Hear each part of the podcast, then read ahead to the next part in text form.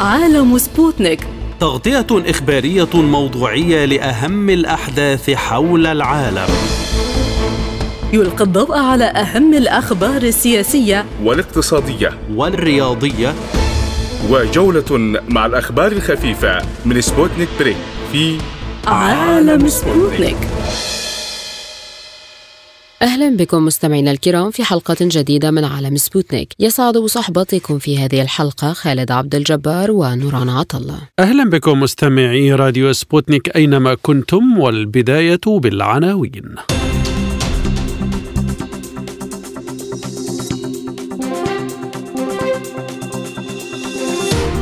الرئيس الفرنسي يقول إن هندسة الأمن المستقبلية في أوروبا يجب أن تشمل ضمانات لروسيا. الاتحاد الأوروبي يدعو للتحقيق في قتل مدنيين ويقول إن إسرائيل تستخدم القوة القاتلة ضد الفلسطينيين بشكل مفرط. الأمين العام للاتحاد التونسي للشغل ينتقد الانتخابات ويتهم الحكومة بالعمل سريا مع صندوق النقد الدولي. المدعي العام الإيراني يعلن حل شرطة الأخلاق والنظر في تعديل قوانين الحجاب في إيران.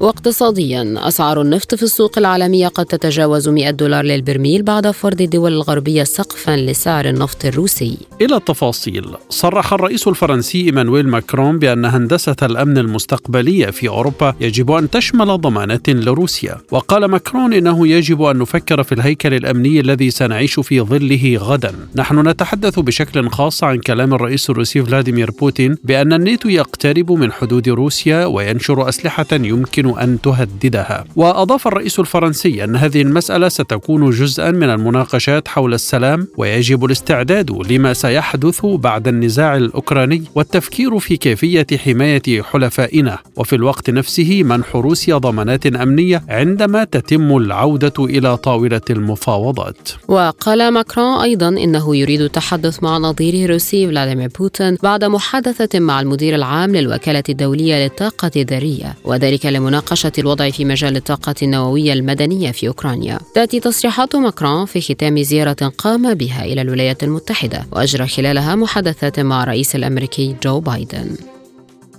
من باريس ينضم إلينا الكاتب الصحفي والمحلل السياسي هلال العبيدي أستاذ هلال بداية هل يمكن قراءة تصريحات ماكرون على أنه تراجع أوروبي في مسألة توسيع الناتو قبيل ما سماه العودة إلى المفاوضات مع روسيا؟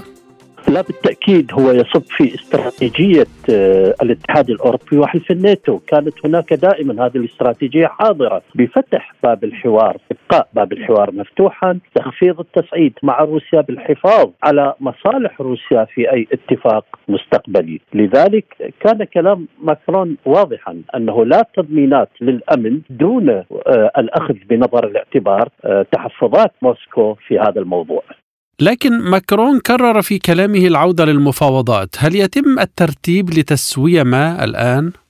يعني طالما كانت هذه الأبواب مفتوحة يعني الأبواب الخلفية للمفاوضات لم تغلق وكانت باريس تشجع على إجراء الحوار لأن بصراحة لا حلول عسكرية في في هذه الحرب. دائما أنه هذه حتى الحروب الكبرى انتهت بمفاوضات. لذلك كانت هذه وجهة نظر باريس وستبقى. أنه وهي فعلا وجهة نظر حتى أوروبية مشتركة. أن باب الحوار مع موسكو هو أفضل حل للوصول إلى تسوية قضيه أوكرانيا. طبعا بالأخذ بنظر الاعتبار أنه ما جرى على الأرض من تغيير من إعادة يعني إعادة القوات الروسية إلى ما قبل 24 فبراير 2022 كل هذا يجب أن يؤخذ بنظر الاعتبار. لذلك علينا تسوية الملف والعودة إلى باب الحوار وباب المفاوضات والتي هي لم تغلق حقيقة. كانت هناك محاولات جادة وما زالت موجودة في هذا الخصوص لذلك يأتي كلام ماكرون في هذا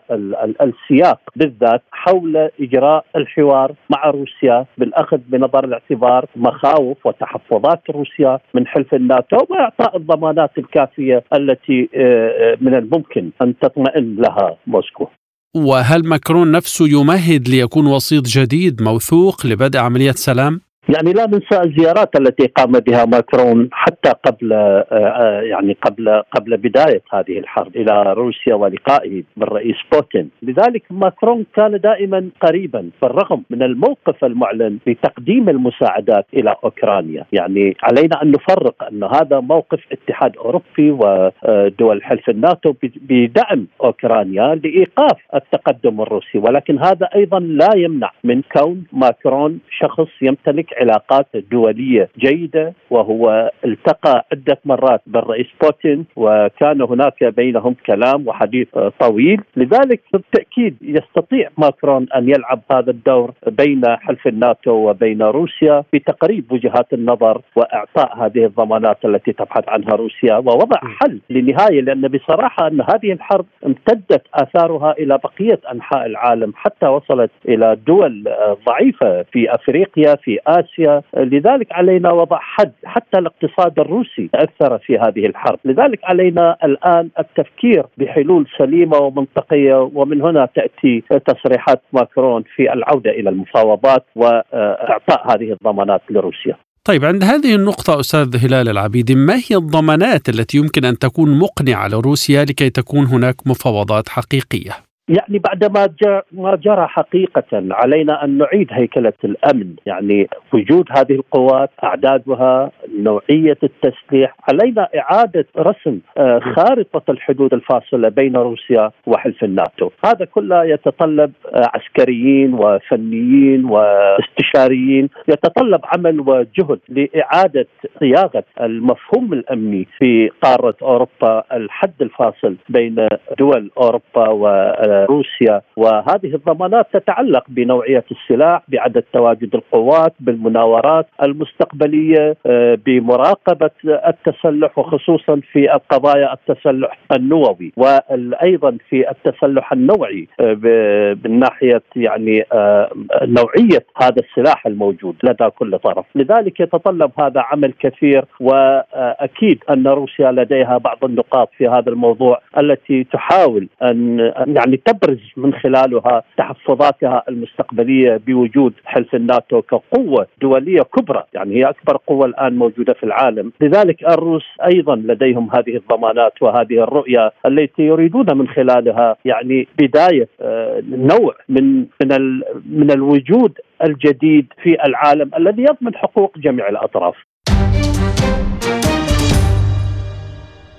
ذكر الاتحاد الأوروبي أن القوات الإسرائيلية قتلت عشرة فلسطينيين في آخر 72 ساعة فقط والذي يبدو أنه استخدام مفرط للقوة المميتة داعيا إلى التحقيق في وقوع ضحايا المدنيين وضمان المساءلة. وعبر الاتحاد الأوروبي في تغريدة نشرها مكتبه في القدس المحتلة عن قلقه البالغ إزاء تصاعد مستوى العنف في الضفة الغربية المحتلة بما في ذلك القدس الشرقية. وأضاف أن عام 2022 هو العام الأكثر دموية منذ عام 2006 وبلغت حصيلة القتلى منذ مطلع العام الجاري 211 قتيلا بينهم 159 قتيلا في الضفة الغربية و52 قتيلا في قطاع غزة آخرهم الشهيد عمار حمدي نايف مفلح البالغ من العمر 23 عاما من قرية أوصارين جنوب نابلس والذي أعدمته قوات الاحتلال الإسرائيلي بالرصاص الحي في بلدة حوارة. لمزيد من التفاصيل معنا من رام الله دكتور أحمد رفيق عوض الخبير بالشؤون الإسرائيلية. بعد تحية يعني إسرائيل دائما ما ترفض إجراء هذه التحقيقات. فهل يمكن الاستجابة لدعوة الاتحاد الأوروبي وإجراء تحقيق هذه المرة؟ لا أعتقد ذلك لا أعتقد ذلك لأنه ليس لأوروبا أو ليس هناك إرادة لدى أوروبا لأن تعاقب إسرائيل أو أن تضع المسألة قيد التنفيذ أو قيد التهديد على الأقل. الدعوة إلى التحقيق يجب أن يرافقها يعني ضغوط. وواضح أنه ليس هناك ضغوط يعني تمارسها أوروبا ضد إسرائيل. هذا اولا، ثانيا لم يسبق لأوروبا أن ضغطت على إسرائيل من أجل إجراء تحقيق في في مثل هذه الجرائم. ثالثا عادة ما تكتفي يعني أوروبا بإصدار مثل هذه المواقف التي يعني لا تغني ولا تسمن عن جوع بالمناسبه يعني للأسف يعني في نفاق كامل. يعني الضغوط الأمريكية على إسرائيل تكون أقوى عادة وطلبت أمريكا إجراء تحقيق في مقتل شيرين ابو عاقله وحتى اللحظة إسرائيل تباطل و... وأعتقد انها ستناقل كثيرا يعني عادة إسرائيل ترفض أن يكون هناك تحقيق خارج يعني خارج الأطر القضائية الإسرائيلية في أي جريمة تمارسها. إسرائيل تمنع ذلك، تمنع اللجان الدولية في التحقيق، تمنع فرق تقصي الحقائق، يعني عادة هي لا تدخل أحدا غير إسرائيلي للتحقيق، هي تجري تحقيقات داخلية ثم تبرئ نفسها، وهذا هذا ما تفعله إسرائيل دائما يعني آه، تقوم بالجريمة وتنجو من العقاب وتمنع الآخرين من محاسبتها. ماذا يمكن أن يفعل الاتحاد الأوروبي غير المطالبة والإدانة؟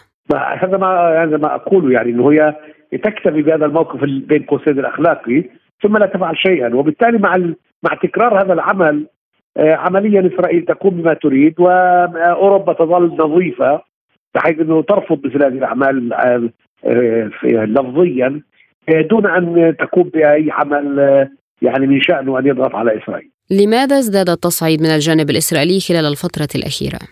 الأسباب التالية، الأسباب التالية، اولا هناك مزاج عام لانتصار اليمين واليمين الفاشي.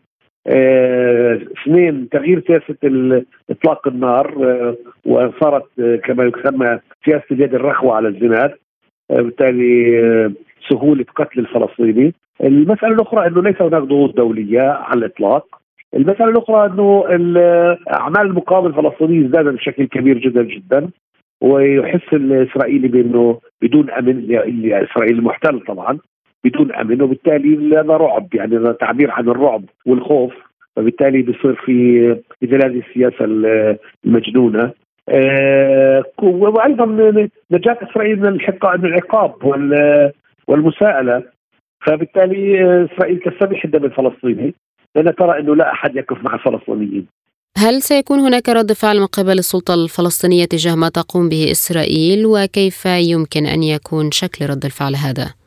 بالتأكيد يعني هذا ما نرجو أن يكون هناك رد فعل من السلطة الفلسطينية آه، بالإضافة إلى الذهاب إلى الهيئات الدولية ومحاولة محاصرة المحتل وإدانته الشرعية عنه آه، بالتأكيد السلطة الفلسطينية آه، يعني ستأخذ العبر. ونرجو يعني كمواطنين أنه السلطة الفلسطينية تأخذ خطوات بعيدة آه، في ذلك في مواجهة العدوان الإسرائيلي كوقف العلاقة إنهاء العلاقة مع إسرائيل وقف التنسيق الأمني إعادة تعريف العلاقة من جديد مع إسرائيل بحيث أن لا تكون باتجاه واحد. يعني هناك الكثير من الأمور المقاومة الشعبية الوحدة الوطنية آه، ترميم البيت الفلسطيني يعني الكثير مما يمكن أن تقوم به السلطة الفلسطينية تجاه هذه الأعمال. ما هي اليات توفير حماية دولية للفلسطينيين كما تطالب السلطة الفلسطينية ومن الذي يسمح أو سيسمح بذلك من الأساس؟ هذه الدعوة دعوة آه، مطلقة عامة لأنه آه، يعني إسرائيل آه، ترفض ذلك وليس هناك من طرف دولي يمكن أن يحمل هذه الفكرة ويحاول تطبيقها على إسرائيل. يعني وحتى بصراحة وبدقة أكثر هذه هذه الدعوة دعوة عامة تأتي لإدانة الاحتلال وانه الاحتلال يقوم بخرق القانون الدولي والقانون الإنساني تجاه الفلسطينيين لأنه يعذبهم بنكل فيهم، لذلك هذه الدعوة دعوة الحماية الدولية هي دعوة عامة. ليس هناك من قوة لا إقليمية ولا دولية تأخذ هذه الدعوة لتجعلها على طاولة المجتمع الدولي. يعني أي دولة قومية عندنا في الإقليم مثلا ممكن أن تأخذ هذه الدعوة وتذهب بها إلى مجلس الأمن لفرضها على الطاولة. من من القوى الدولية أصلا تقوم بذلك؟ لهذا السبب هذه الدعوة هي دعوة لإدارة الاحتلال للقول أن الاحتلال آه هو ضد السلام والتسوية والحياة الإنسانية الكريمة وإن المحتل لا لا يحترم الحياة الإنسانية آه، ولا يحترم الكرامة البشرية. ولهذا السبب نحن نحتاج حماية دولية لأنه إحنا شعب عازل أمام ماكينه من القتل عمليا ماكينه قتل هي ماكينه الاحتلال الإسرائيلية. السياسيون في إسرائيل حذروا من انتفاضة فلسطينية جديدة، هل يمكن أن يكون هناك بالفعل انتفاضة فلسطينية جديدة؟ وما مدى إمكانية تحقيقها في الشارع الفلسطيني؟ طبعا طبعا جدا. ظلت إسرائيل بهذه السياسة الفاشية ال ال ال يعني التي توغل في الدم الفلسطيني بالتأكيد بالتأكيد الانتفاضة الفلسطينية الشاملة آه، مسألة وقت ليس إلا مسألة عود ثقاب ولا نح ولا أحد يدري كيف يشتعل هذا عود الثقاب الأحداث التاريخية آه، قد تكون آه، لها أسباب منطقية ثم لا تحدث. وأيضا الأحداث التاريخية قد لا يكون هناك أسباب منطقية ثم تحدث. يعني بالتالي الانتفاضة ممكن تحدث في لاي سبب في أي وقت لأي تصرف. ولأنه إسرائيل عمليا آه، ذهبت بعيدا في القتل والمصادرة وتكريس الاحتلال وإدارة الظهر لأي تسوية سياسية. وبالتالي الفلسطيني ليس لديه وليس في قلبه ولا في عقله أي مجال لسيناريوهات أخرى غير سيناريو الموت والاستيطان للأسف المحتل يغلق الأبواب جميعا. وإذا صارت انتفاضة فهذا مسؤولية الاحتلال أولا وأخيرا. مش لأن الفلسطيني بيحب الموت لأنه المحتل لا يريد أن يعطي الفلسطيني شيئا. قال الأمين العام للاتحاد العام التونسي للشغل نور الدين الطبوبي إن بلاده تعيش وضعا خانقا وتشهد ما اعتبره تدهورا على جميع الأصعدة مؤكدا عدم قبول الاتحاد بالمسار الحالي. وحذر الطبوبي من أن تونس مقسمة ومشتتة وفاقدة للطريق مشددا على أن كل المؤشرات تنذر بخطر داهم. ووصف الطبوبي الانتخابات المقبلة في البلاد بأنها بلا لون أو طعم لافتا إلى أنها جاءت وليدة دستور قال إنه لم يكن تشاركيا ولا محل إجماع. وتستعد تونس لتنظيم الانتخابات يوم السابع عشر من ديسمبر الجاري وهي أول انتخابات تشريعية بعدما أعلن سعيد حل البرلمان في مارس الماضي. وذلك عقب الإجراءات الاستثنائية التي اتخذها في الخامس والعشرين من يوليو 2021 وشملت تجميد البرلمان وإقالة الحكومة. وانتقد رئيس اتحاد الشغل الحكومة التونسية التي اعتبرها بلا رؤية وبلا برنامج ويغلب عليها الارتجال والغموض الغموض متهما اياها بانها تتحرك بنفس آليات الحكومات السابقة المتمثلة في غياب الشفافية وازدواجية الخطاب وحذر الأمين العام الحكومة أيضا من اتخاذ أي إجراء يستهدف دعم المواد الأساسية ويهدف إلى تجويع الشعب من تونس ينضم إلينا يوسف الوسلاتي رئيس تحرير جريدة الشعب الناطقة باسم الاتحاد التونسي العام للشغل. أستاذ يوسف بداية ما الذي دفع الأمين العام لمثل هذه التصريحات والانتقادات الحادة؟ والاتحاد العام التونسي للشغل في مجمل تعامله مع 25 جويلية تحلى بكثير من الصبر ومن الإيجابية أيضا. على اعتبار وأنه لم يكن منتقدا بصورة لاذعة لخيارات 25 جويلة ولكن كانت لديه بعض التحفظات خصوصا حول ضرورة بناء الوطن بصورة تشاركية والنقاش والحوار حول القضايا الأساسية التي تهم البلاد وعلى رأسها المسألة الاقتصادية والمسألة الاجتماعية. والاتحاد يعمل وأعطى الكثير من الفرص لرئيس الجمهورية من أجل أن من أجل صياغة تصورات مشتركة لإدارة الحياة العامة. ولكن رئيس الجمهورية ومنذ فترة طويلة مضى منفردا في اتخاذ القرارات التي يراها مناسبة والتي يراها بمفرده دون تشاركية ودون حوارا مع باقي الأطراف الأخرى. وحتى الحوارات التي تم تنظيمها آه، كانت شكلية والاتحاد العام التونسي للشغل لم يشارك فيها. وبالتالي الاتحاد أظن أنه أعطى فرصة كاملة لرئيس الجمهورية من أجل آه، من أجل آه، أن تكون تونس موحدة حول الخيارات المستقبلية. ولكن هذا آه، لم يحصل. وآخرها هو معناها الدستور وصياغة قوانين القانون الانتخابي. ولم تلقى أي رضا من المجتمع المدني وكذلك من الاتحاد ومن الأحزاب بسرعة. آه، عملية إلغاء للعقل السياسي على اعتبار وأن التصويت آه، أصبح يتم على الأفراد وليس على الأحزاب السياسية. وهذا الأمر بالطبيعة سيشجع على ظهور برلمان مكون من أفراد تنتمي إلى عشائر ومكون من أفراد ربما لديهم صيت وتأثير مالي أكثر من أنه تأثير سياسي. وهذا سيفتح سيفتح, سيفتح الباب أمام آه، المهربين وأمام المحتكرين وأمام آه، يعني أطراف لا علاقة لها بالمبادئ المثلى للعمل السياسي والدفاع عن الديمقراطية والأوطان والمبادئ الإنسانية الكبرى. كيف سيؤثر هذا التصريح على الانتخابات التشريعية التي انطلقت حملاتها بالفعل؟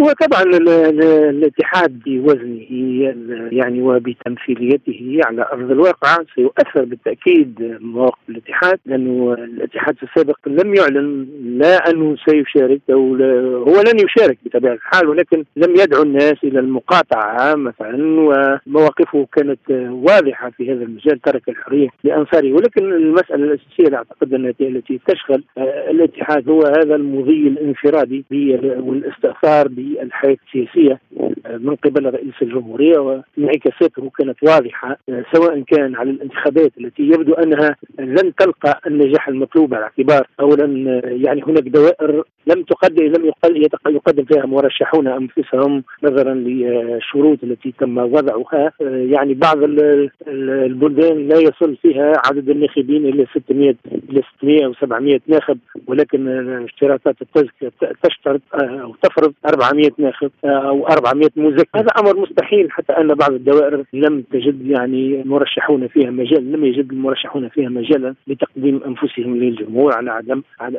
على اعتبار أنهم غير قادرين على تقديم التزكيات المطلوبه لكن هل يفهم من ذلك أن تونس قادمة على برلمان من طرف واحد دون معارضة تذكر؟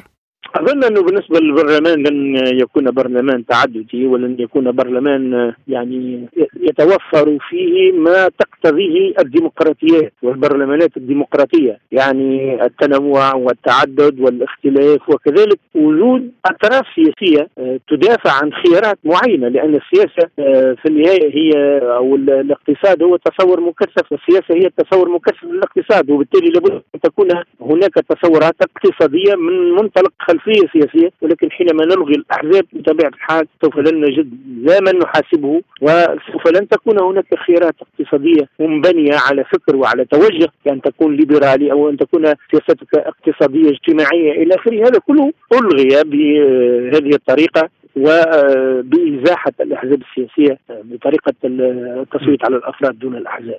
أستاذ يوسف الوسلاتي ما حقيقة إخفاء الحكومة ملف الإصلاحات والاتفاقات مع صندوق النقد كما يقول الاتحاد التونسي للشغل؟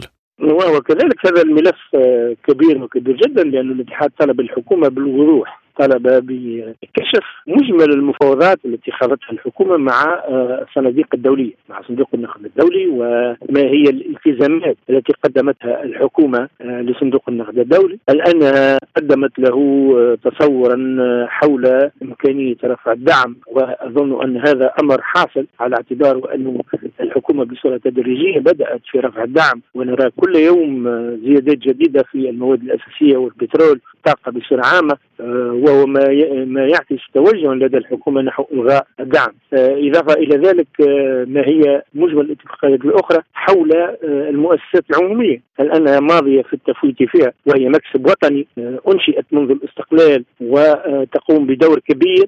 هل أنها ماضية نحو تصفيت هذه المؤسسات وخصخصتها أم ان لديها رأي آخر. هذا كله طالب الاتحاد بكشفه بضرورة كشفه وبضرورة مصارحة الشعب ومصارحة كذلك الاتحاد العام التونسي للشغل والمنظمات الوطنية بما يحصل من مفاوضات.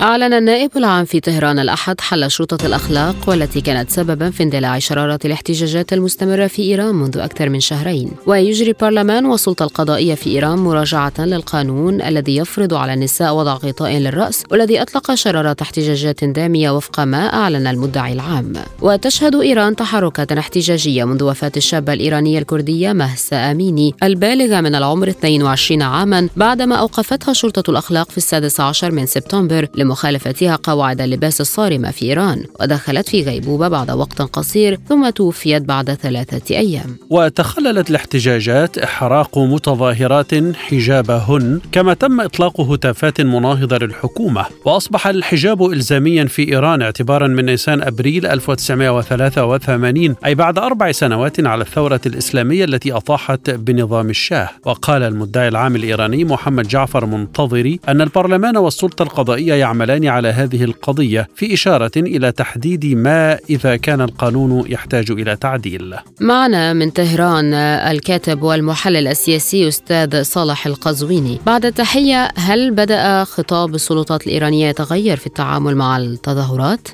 يعني هذا هو الخطاب آه، منذ البداية كان هذا الخطاب آه، لم يتغير بشكل جذري جذري. يعني كانت الدعوة منذ البداية لضروره فصل يعني الاحتجاجات السلمية. عن أعمال الشغب ولكن بما أنه يعني المحتجين لم يكن لم يسعوا إلى إبعاد أنفسهم أو فصل أنفسهم عن أعمال الشغب والمشاغبين فتدخلت السلطات وقامت بذلك وقامت بالتقاط المشاغبين ودعاة العنف وأودعتهم السجون وبدأت بمحاكماتهم بينما لا تزال يعني تسمح بالاحتجاج في داخل الجامعات في الأماكن المحددة وليس ولن تتعرض لهؤلاء المحتجين. بالتالي هذه سياسة الحكومة وسياسة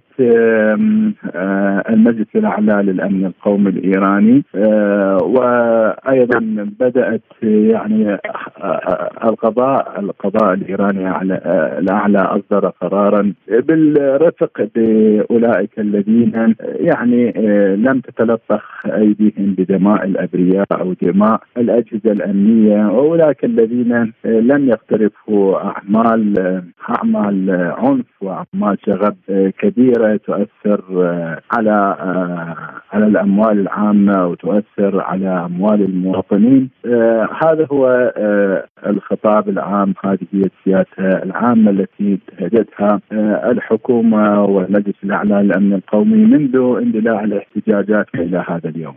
كيف جاء رد فعل الشارع الإيراني بشأن إعلان النظر في القانون؟ يعني في الواقع الشارع الإيراني بدأ هو الذي يتحرك وهذه استراتيجية الأجهزة الأمنية الإيرانية أنه الشارع الإيراني هو الذي يتبنى مواجهة أعمال الشغب وأعمال العنف وبالفعل رأيتم أنه المسيرات التي خرجت خرجت مليونية ضد الاحتجاجات التي لا تتجاوز أحيانا المئات. هذا يمكن أن نقول أنه الشارع الإيراني هو الذي تبنى قضية مواجهة والتصدي لأعمال الشغب. وفي نفس الوقت إعلان الولاء للنظام. يعني إذا كان بعض المحتجين يعلنون براءتهم ورفضهم ودعوتهم إلى رحيل النظام. فهناك الملايين يعلنون ولاءهم وتمسكهم بالنظام والقوانين التي يعني قوانين التي يدعو لها وخاصة قضية الحجاب. بالتالي أنا أعتقد أنه هذه هي كانت استراتيجية النظام استراتيجية تبني الشعب عموم الشعب للواقع. ربما السبيل كان إلى ذلك هو أنه السماح للمحتجين بأن يتظاهروا والسماح لهم باستمرار احتجاجاتهم. طبعا كانت لبعض يعني التصعيد وبعض الأعمال العنف انعكاسات سلبية على واقع المجتمع الإيراني على واقع الاقتصاد الإيراني يعني للأسف تعطلت بعض القطاعات الاقتصادية توقع توقف العمل في الأسواق في الوقت الذي يشهد الوضع الاقتصادي نوع من التدهور مما زاد نقمة الشعب وعموم المواطنين تجاه هذه الاحتجاجات. هل هناك قوانين أخرى تحتاج إلى تعديلات لتهدئة المواطنين الغاضبين؟ يعني آه هذا ما أعلنه بعض المسؤولين الإيرانيين آه فيما يتعلق بقانون الحجاب. نعم آه هناك صدرت بعض التصريحات أنه ستصدر بعض القوانين، لا شك أن هذه الاحتجاجات كانت بمثابة رسالة للنظام وللأجهزة الأمنية. بضرورة اعاده النظر في الكثير من من القوانين، الكثير من القضايا خاصة أنه بعض الاحتجاجات دافعها الرئيسي دافع اقتصادي ونتيجة تدهور الوضع. هذا يدعو الحكومة إلى إعادة النظر في تقييم الوضع وتحسين الوضع وإصلاح الأخطاء وإصلاح الثغرات. نعم تركت هذه الاحتجاجات تأثير مباشر في إعادة تقييم الوضع. الوضع الاجتماعي والوضع الاقتصادي والوضع الثقافي للبلاد وكذلك إعادة النظر آه، في بعض القوانين. هناك طبعا قوانين ثابتة ولا يمكن أن تتغير. آه، يعني مثلا قضية قانون الحجاب أنا أستبعد أنه يكون هناك تغيير في هذا القانون. آه، من ناحية أنه لن يصدر قانون بالسماح آه، بخلع الحجاب أو غير ذلك. ولكن ربما تتخذ السلطات بعض الإجراءات تجاه يعني أولئك الذين يعني لنقل أنه نوع من المرونة نوع من الانفتاح تجاه النساء الذين يرفضن ارتداء ارتداء الحجاب ولكن ربما هذه القوانين أو هذه الإجراءات لا تطال الأجهزة الامنيه الأجهزة الإدارية والأجهزة الحكومية بمعنى أنه ربما تصدر قوانين لعموم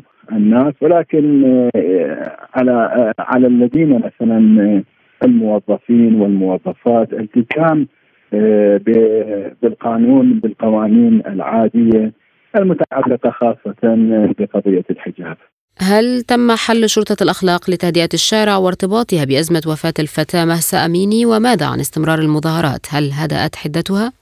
في الواقع آه، لم أطلع على هذا القرار آه، بالتأكيد أنا قلت أنه كان هناك كلام آه، حول ضرورة إعادة النظر في مجمل القوانين إعادة النظر في كل ما يتعلق بالواقع الثقافي والواقع الاجتماعي في إيران وليس من المستبعد أن تتخذ السلطات مثل هذا القانون خاصة أنه لم يعد هناك آه، ما يدعو إلى وجودها. يعني آه، الإعلام الغربي والإعلام العالمي يتحدث عن وجود تقييدات وحدود. لقضية الحجاب. ولكن في الواقع ليس كذلك. يعني هذه القضية مجرد كانت ذريعة مجرد كانت يعني لنقل أنها شرارة شرارة أدت إلى وقوع الاحتجاجات. ولكن في الواقع يعني ليس هناك تشديد كبير وقيود كبيرة آه، على هذا الموضوع. نرى أنه في الشارع الإيراني تخرج النساء خاصة النساء الذين آه، اللواتي لا يلتزمن الحجاب ولا يريدين الحجاب. يخرجن إلى الشوارع ويعني آه، لا يضعون الحجاب على رؤوسهم. مع ذلك السلطات يعني لا لا لا تحاول ملاحقتهم ولا تتعرض لهم. ولكن هناك قضية وهي قضية أنه إيران والسلطات القضائية والسلطات آه، لنقل الاجتماعية تريد أن تضع سقف وحد معين آه، لموضوع آه، الحجاب، يعني إذا كانت تمارس بعض بعض القيود وبعض الإجراءات من أجل أن لا تنفلت الأوضاع، ليس إلا يعني تضع سقف معين لكي لا لا يتعدى ذلك السقف، يعني إذا كان الأمر فيما يتعلق ب يعني نزع الحجاب آه، ينبغي أن لا آه، لا لا آه، يعني يطال قضايا أخرى كأن مثلا تترك النساء كل الحجاب أو غير ذلك، فهي تمارس هذه القيود تبقى حدود لهذا الموضوع ولا تتجاوز تلك الحدود. أما الآن مستمعينا فإليكم جولة إخبارية حول العالم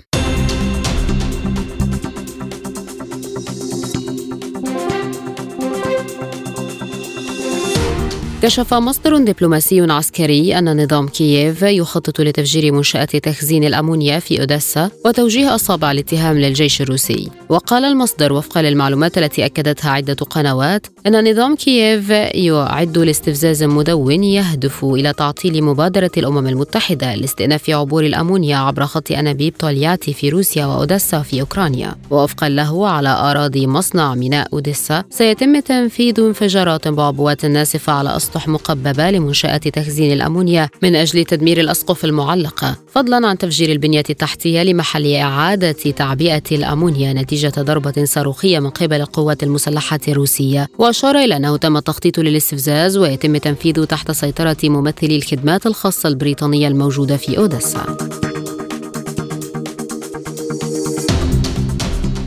أعلنت القوات الجوية الإسرائيلية أن طائراتها شنت ليلة السبت الأحد هجوما على مواقع لحركة حماس في غزة بعدما أطلق صاروخ من القطاع باتجاه إسرائيل. وسقط هذا الصاروخ في منطقة غير مأهولة جنوب إسرائيل دون أن يتسبب في إصابات أو أضرار وفق ما أعلن الجيش الإسرائيلي. ولم تعلن أي جهة مسؤوليتها عن إطلاق الصاروخ على الفور لكن حركة الجهاد الإسلامي إحدى الفصائل الفلسطينية المسلحة في قطاع غزة هددت إسرائيل بالانتقام بعد اغتيال اثنين من قيادييها الخميس في جنين شمال الضفة الغربية المحتلة.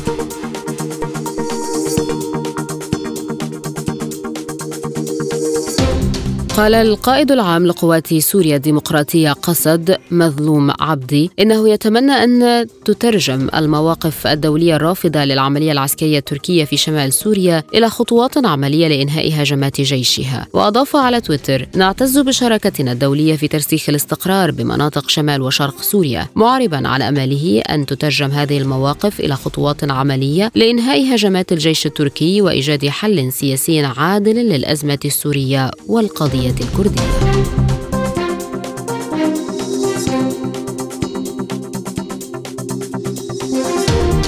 رحب المبعوث الأممي للدعم في ليبيا عبد الله باتيلي باتفاق رئيسي مجلسي النواب والأعلى للدولة الليبي لاستكمال الإطار الدستوري وتفعيل عملية تقضي باجراء الانتخابات في البلاد، مؤكدا تأجيل موعد عقد اللقاء بين عقيله والمشري في مدينة الزنتان لأسباب خارجة عن الإرادة، وقال باتيلي في بيان إنه لأسباب لوجستية خارجة عن إرادتنا ليس بالإمكان عقد هذا الاجتماع المهم لاستئناف الحوار السياسي بين مجلس النواب والمجلس الأعلى للدولة في مدينة الزنتان وحث باتيلي مجلس النواب والمجلس الأعلى للدولة على الاتفاق على مكان وموعد مقبولين للطرفين لعقد اجتماعهما الذي يتعين أن يخرج بمقترحات ملموسة وقابلة للتنفيذ وذات أطر زمنية محددة لإيجاد مخرج توافقي من هذه الأزمة.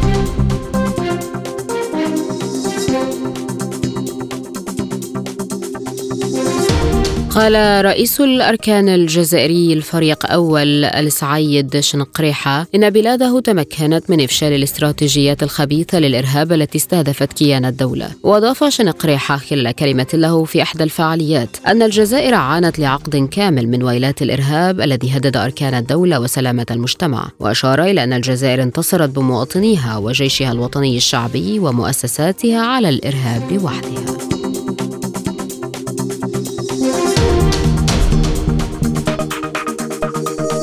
قال المبعوث الأمريكي للمحادثات النووية مع إيران روبرت مالي إن الولايات المتحدة ستركز جهودها على إمدادات الأسلحة الإيرانية إلى روسيا وعلى دعم المتظاهرين بدلا من التركيز على المحادثات النووية المعطلة لإحياء الاتفاق النووي معتبرا أنه لا فائدة من تلك المحادثات. وأضاف المبعوث الأمريكي لماذا يجب التركيز على المحادثات إذا كانت إيران تعود محملة بمطالب غير مقبولة. وقال إن إيران غير مهتمة بالتوصل التوصل لاتفاق بينما تتهم إيران الولايات المتحدة بتعطيل الاتفاق النووي والعمل على أحداث فوضى في البلاد بتشجيع وتمويل التظاهرات في إيران.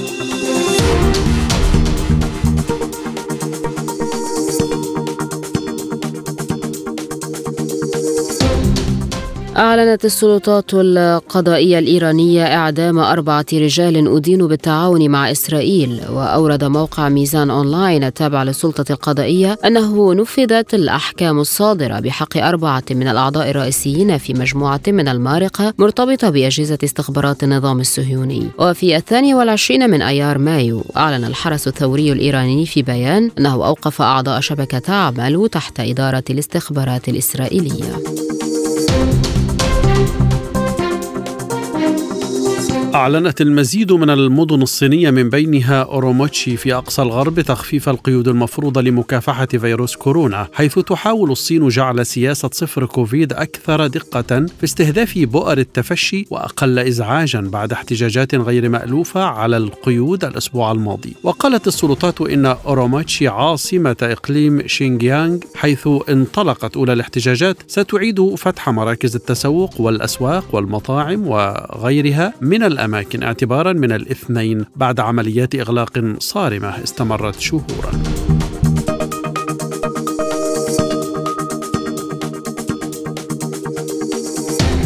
ذكرت هيئة الإذاعة والتلفزيون اليابانية أن وكالة الأرصاد الجوية تراقب احتمال حدوث موجات مد عاتية تسونامي بعد ثوران بركان في إندونيسيا الأحد. ونقلت الهيئة عن الوكالة قولها إن البركان قد يتسبب في حدوث موجات مد تصل إلى مقاطعة أوكيناوا.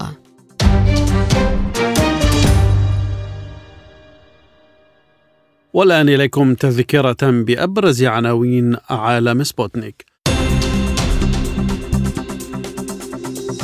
الرئيس الفرنسي يقول إن هندسة الأمن المستقبلية في أوروبا يجب أن تشمل ضمانات لروسيا. الاتحاد الأوروبي يدعو للتحقيق في قتل مدنيين ويقول إن إسرائيل تستخدم القوة القاتلة ضد الفلسطينيين بشكل مفرط.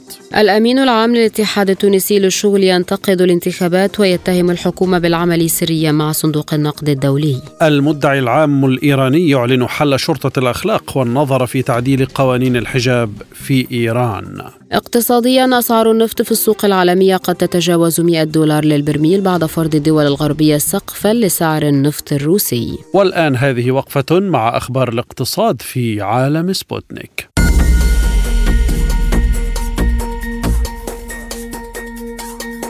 قال كيريل ميلينيكوف رئيس مركز تطوير الطاقة إن أسعار النفط في السوق العالمية قد تتجاوز 100 دولار للبرميل بعد فرض الدول الغربية سقفا لسعر النفط الروسي عند 60 دولارا. ووفقا للخبير هذا القرار قد يؤدي إلى تقليص كميات النفط الروسية المصدرة إلى الخارج. واتفقت دول الاتحاد الأوروبي على فرض سقف سعر للنفط الروسي الذي ينقل عن طريق البحر عند 60 دولارا للبرميل. ومن المتوقع تطبيق آلية ضبط تسمح بأن يكون سعر النفط الروسي أقل بنسبة 5% على الأقل من سعر السوق.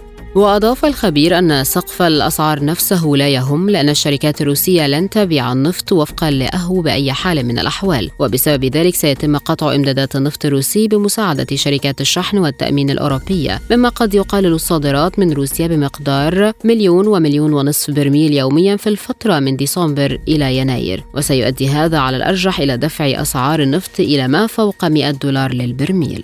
من بيروت ينضم إلينا الدكتور بلال علامة المحلل الاقتصادي وخبير أسواق المال دكتور بلال آه، يعني هنا ألا يعلم القادة أن مثل هذا القرار يمكن أن يؤثر على الاقتصاد العالمي ككل لا سيما الدول الفقيرة؟ طبعا آه، بمطلق الأحوال آه، لا يمكن اليوم تقييد أي فاعلية قوية في سوق النفط آه، وضع شروط على على آه، تصديرها للنفط بشكل تحديد سعر أو تحديد كوتا لأنه سيؤثر بشكل عام على أسعار النفط ككل وسيتأثر السوق من حيث أن الكميات التي ستتوفر ستكون ناقصة ومجتزأة مما سيدفع بالأسعار إلى الارتفاع حكما. وبالتالي أنا أعتقد أن أفضل أفضل وسيلة لإعادة التوازن إلى سوق النفط هو التخلي عن فكرة العقوبات والتخلي عن فكرة التقييد وعدم الدخول في متاهات جعل هذا السوق سوقا مقيدا أو مش مشروطا وعدم السماح بأن تكون الأدوات التي تستعمل للصراعات السياسيه آه، تنعكس على الأسواق العالمية سواء للنفط أو لغير النفط من المواد الاستراتيجية الحيوية.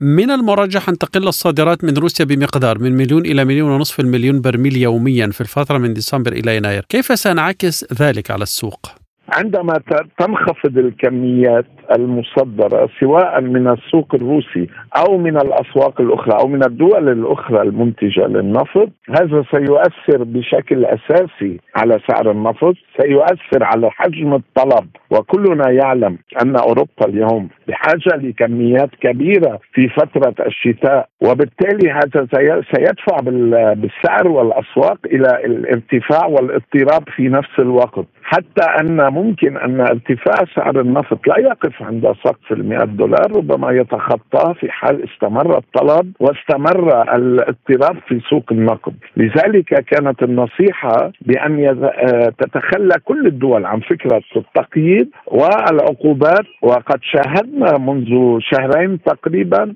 أن كل المحاولات التي جرت آه، من قبل دول أوبك بلس أو أوبك لتخفيض سعر البرميل أو لتخفيض الكميات المنتجة من براميل النفط لم تعطي ثمارها في السوق لناحية منع السوق من الارتفاع طالما أن الطلب يزداد وطالما أننا قادمون في فترة الشتاء على طلب كثيف على النفط والغاز ومصادر الطاقة وبالتالي أنا أعتقد أن روسيا ستجد طريقا لزيادة صادراتها مما سيعيد آه، التوازن إلى السوق لا لا بديل عن هذا الحل وفي حال استمر التقييد بهذا الشكل أنا أعتقد أن أسعار النفط ستتفاقم وأن السوق سيكون سوقا مضطربا بشكل كبير جدا لكن هل يمكن أن تلتزم جميع الدول بهذا السقف السعري للنفط الروسي؟ أكيد أنا أعتقد أنه آه، لا يمكن الالتزام بالسقف السعري المطروح لأن العملية كما ذكرت وحللت في البداية هي خاضعة لمنطق العرض والطلب وبالتالي لم عندما يكون هناك نقص في العرض في السوق فإن الطلب على النفط الروسي سيزداد وستعمد كثير من الدول إلى المفاوضة والمساومة على الأسعار بحيث أنها مستعدة أن تدفع أكثر من السعر المطروح حاليا أو التقييد بحدود 60 دولار حاليا مقابل الحصول على مصادر للنفط والغاز وبالتالي لا يمكن الركون إلى هذا الخيار التقييدي الذي تعتمده هذه الدول. وأنا أعتقد أن الدول التي دخلت في هذه في هذا السيناريو هي أول من سيخرق هذا التقييد لأنها فعلا بحاجة لكميات كبيرة من مصادر النفط ولا بديل عن النفط الروسي. دكتور بلال علامة ما هي الدول التي سوف تتأثر اقتصاديا بشكل أكبر؟ كل الدول الأوروبية اليوم ستتأثر اقتصاديا حتى ولو كانت حاليا حاولت وضع سقف لسعر برميل النفط الروسي وكل الدول التي تستفيد من بشكل غير مباشر من العلاقات التجارية تحديدا دول العالم الثالث الشرق الأوسط وبعض الدول القريبة ستتأثر بشكل مباشر نظرا لعلاقاتها الوطيدة ما بين أوروبا ودول البحر المتوسط. ولكن بشكل أساسي أنا أعتقد أن الدول الأوروبية هي أكثر المتأثرين. وقد شاهدنا منذ أسبوعين حتى الآن ارتفاع بسعر النفط في أوروبا وارتفاع بتكلفة الطاقة والقادم هو سيكون أصعب. وبالتالي ستعمل ستكون مضطرة بمكان ما هذه الدول إلى أن تخرق هذا القرار المتخذ وأن تعمد إلى آه، استجلاب الطاقة والنفط والغاز من من كل الدول من كل المصادر المتاحة. وتحديدا من روسيا لأنه ما زال حتى الآن النفط والغاز الروسي هو الأساسي ولم يؤمن بدائل من العالم بشكل يفي بالغرض.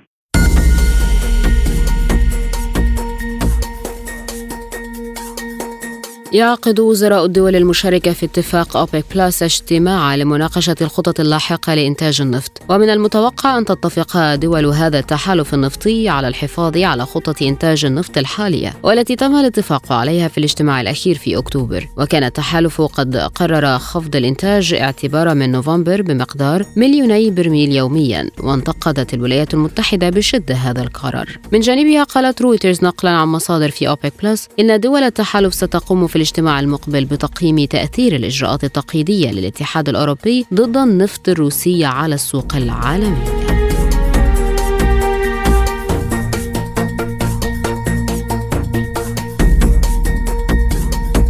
أعلنت الحكومة اليمنية موافقة البنك الدولي على تقديم منحة إضافية بقيمة 150 مليون دولار لمواجهة انعدام الأمن الغذائي في اليمن الذي يعاني من أسوأ أزمة إنسانية في العالم جراء الصراع المستمر فيه منذ ثمانية أعوام. وقال وزير التخطيط والتعاون اليمني واعد باذيب إن المنحة الإضافية ستساعد على زيادة إنتاج الحبوب على المستوى المحلي وذلك من خلال تقديم الدعم لصغار المزارعين لتمكينهم من إنتاج بذور حبوب عالية الجودة تتميز بقدرتها على تحمل تغير المناخ وأضاف أن المنحة ستساهم أيضا في توسيع برامج الصحة الحيوانية بهدف تحسين الإنتاجية وزيادة القدرة على الصمود أمام الصدمات المناخية مما سيساعد على تعزيز الأمن الغذائي والقدرة على الصمود في اليمن.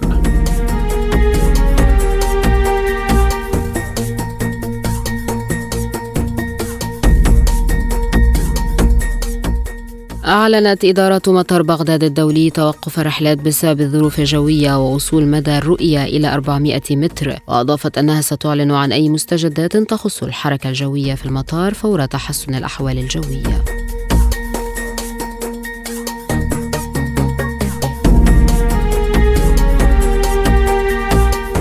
دعا عضو البرلمان الأوروبي ماركوس فيربر وبيرند لانج إلى اتخاذ موقف متشدد تجاه الولايات المتحدة بسبب قانون خفض التضخم الذي أصدره الرئيس جو بايدن. ودعا فيربر المتحدث الاقتصادي باسم أكبر حزب شعبي أوروبي في البرلمان الأوروبي إلى التمسك بخط متشدد تجاه الولايات المتحدة. ووفقا له في حال عدم إحراز تقدم مع واشنطن بخصوص القانون المثير للجدل يجب على المفوضية الأوروبية استخدام كافة الوسائل المتاحة والتفكير التفكير في تكثيف الإجراءات لحماية التجارة، وأشار البرلماني إلى وجود خيبة أمل كبيرة من تدابير واشنطن الحمائية، وشدد على أن القانون المعتمد في الولايات المتحدة يهدد بمزيد من تفاقم الوضع الاقتصادي الصعب في أوروبا. من جانبه طالب لانغ رئيس لجنة التجارة بالبرلمان الأوروبي سلطات الاتحاد الأوروبي برفع دعوى قضائية ضد الولايات المتحدة في منظمة التجارة العالمية بأسرع وقت ممكن.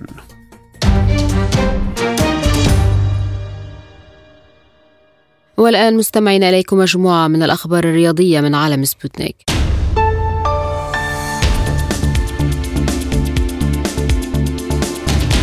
توقع قائد الأرجنتين ليونيل ميسي والمدرب ليونيل سكالوني مواجهة صعبة ولكن جميلة مع هولندا عندما يلتقي المنتخبان في دور الثمانية بنهائيات كأس العالم لكرة القدم يوم الجمعة المقبل. وفازت الأرجنتين على أستراليا 2-1 بينما تغلبت هولندا على الولايات المتحدة 3-1 يوم السبت ليلتقي الفريقان في مواجهة مثيرة بين اثنين من أعظم منتخبات كرة القدم في العالم. وسبق أن التقى الفريقان في نهائي كأس العالم عام 1978 حيث فازت الأرجنتين. وقال سكالوني للأسف يجب أن يخسر أحدهما ونأمل أن نكون نحن من يتأهل. وبدأ ميسي بعد أن سجل هدفا وحصل على لقب أفضل لاعب في المباراة أمام أستراليا في مباراة رقم ألف في مسيرته واضحا بالمثل بشأن المهمة المقبلة. وقال ميسي لديهم مجموعة رائعة من اللاعبين إضافة لمدرب رائع. إذا كانت كأس العالم صعبة منذ البداية فستكون أصعب في هذه المرحلة.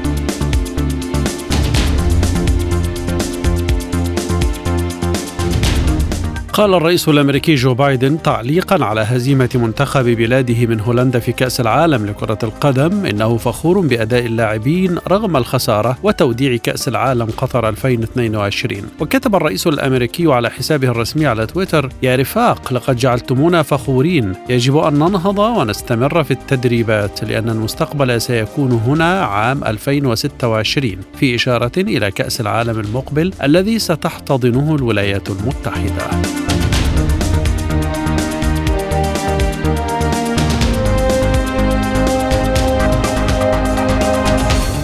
زف النجم نيمار دا سيلفا مهاجم منتخب البرازيل نبأ سارا لجماهير منتخب راقصي السامبا قبل مواجهة كوريا الجنوبية الاثنين بأنه يتعافى من الإصابة. وكان نيمار تعرض للإصابة خلال مواجهة صربيا في الجولة الأولى لمجموعة كأس العالم قطر 2022 وغاب عن مواجهتي سويسرا والكاميرون. ونشر نيمار عبر صفحته على فيسبوك صورا له من مران منتخب البرازيل السبت وكتب عليها أشعر أنني بحالة جيدة. بالمقابل سيغيب يغيب جابرييل جيسوس عن بقية كأس العالم بسبب ألم في ركبته ولن يتمكن من العودة للمباريات قبل يناير المقبل رفقة فريقه الإنجليزي أرسنال ولم يتوقف الأمر عند جيسوس فقط حيث سيفقد المدرب تيتي المدافع أليكس تاليس حتى نهاية كأس العالم بسبب إصابته الخطيرة في الركبة وقد يضطر للخضوع لعملية جراحية وفقا لصحيفة صن البريطانية.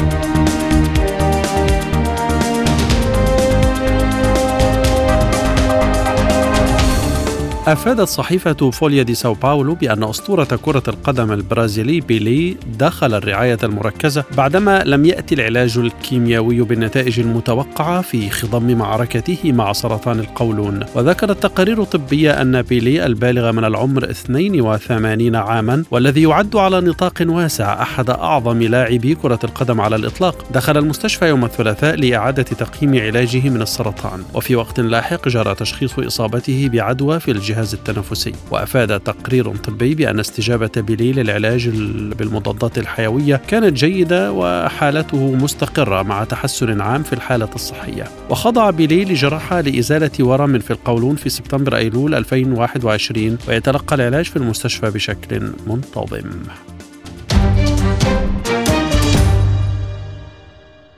الآن مستمعين إليكم مجموعة من الأخبار الخفيفة وسبوتنيك break. Música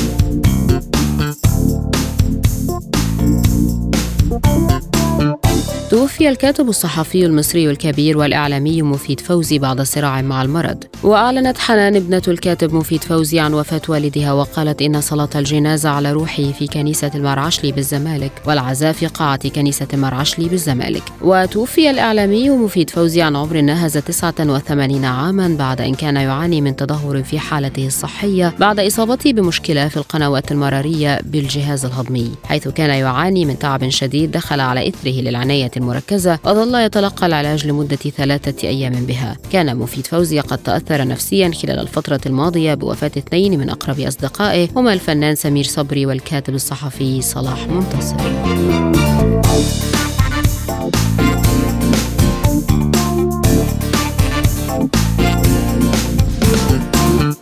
قدمت ديور مجموعتها لخريف 2023 عند أهرام الجيزة قرب القاهرة في أول عرض لدار الأزياء الفرنسية الراقية في مصر. وسار عارضو الأزياء بملابس المجموعة الجديدة أمام المعلم التاريخي في الموقع الأثري الشهير الذي أضيء خصيصا للعرض. وهذا العرض الثاني لدار أزياء أوروبية هذا العام في معلم أثري مصري. ففي أكتوبر قدم مصمم الأزياء الإيطالي ستيفانو ريتشي مجموعته في معبد حتشبسوت الأثري في الأقصر جنوب مصر. واستضاف مجمع أهرام الجيزة في السنوات الأخيرة خصوصا حفلات موسيقية ومعارض للفن المعاصر في ظل سعي مصر إلى إعادة استقطاب السياح إلى البلاد بعد تراجع أعداد الزائرين في السنوات التي أعقبت ثورة يناير 2011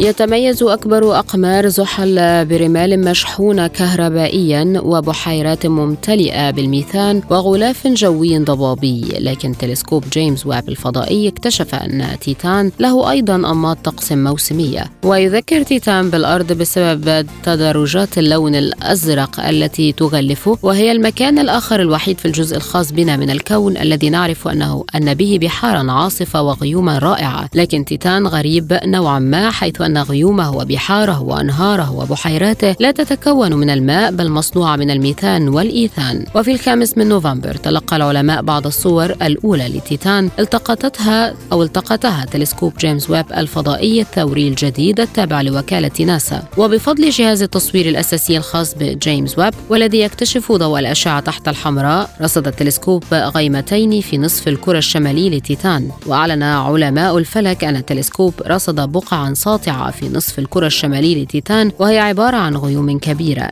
ما يؤكد تنبؤات نموذج الكمبيوتر بأن الغيوم تظهر في أواخر الصيف عندما ترتفع درجة حرارة السطح بفعل الشمس. وفي الختام إليكم تذكرة بأهم ما جاء في عالم سبوتنيك لهذا اليوم.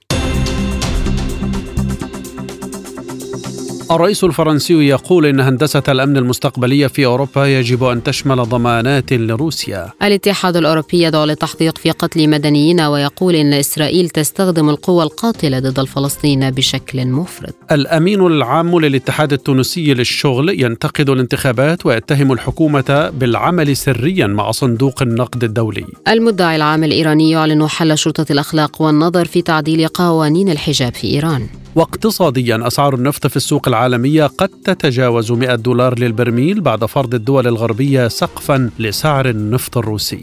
ورياضيا ميسي والمدرب سكالوني يتوقعان مواجهة صعبة ولكن جميلة مع هولندا عندما يلتقي المنتخبان في دور ثمانية بالمونديال.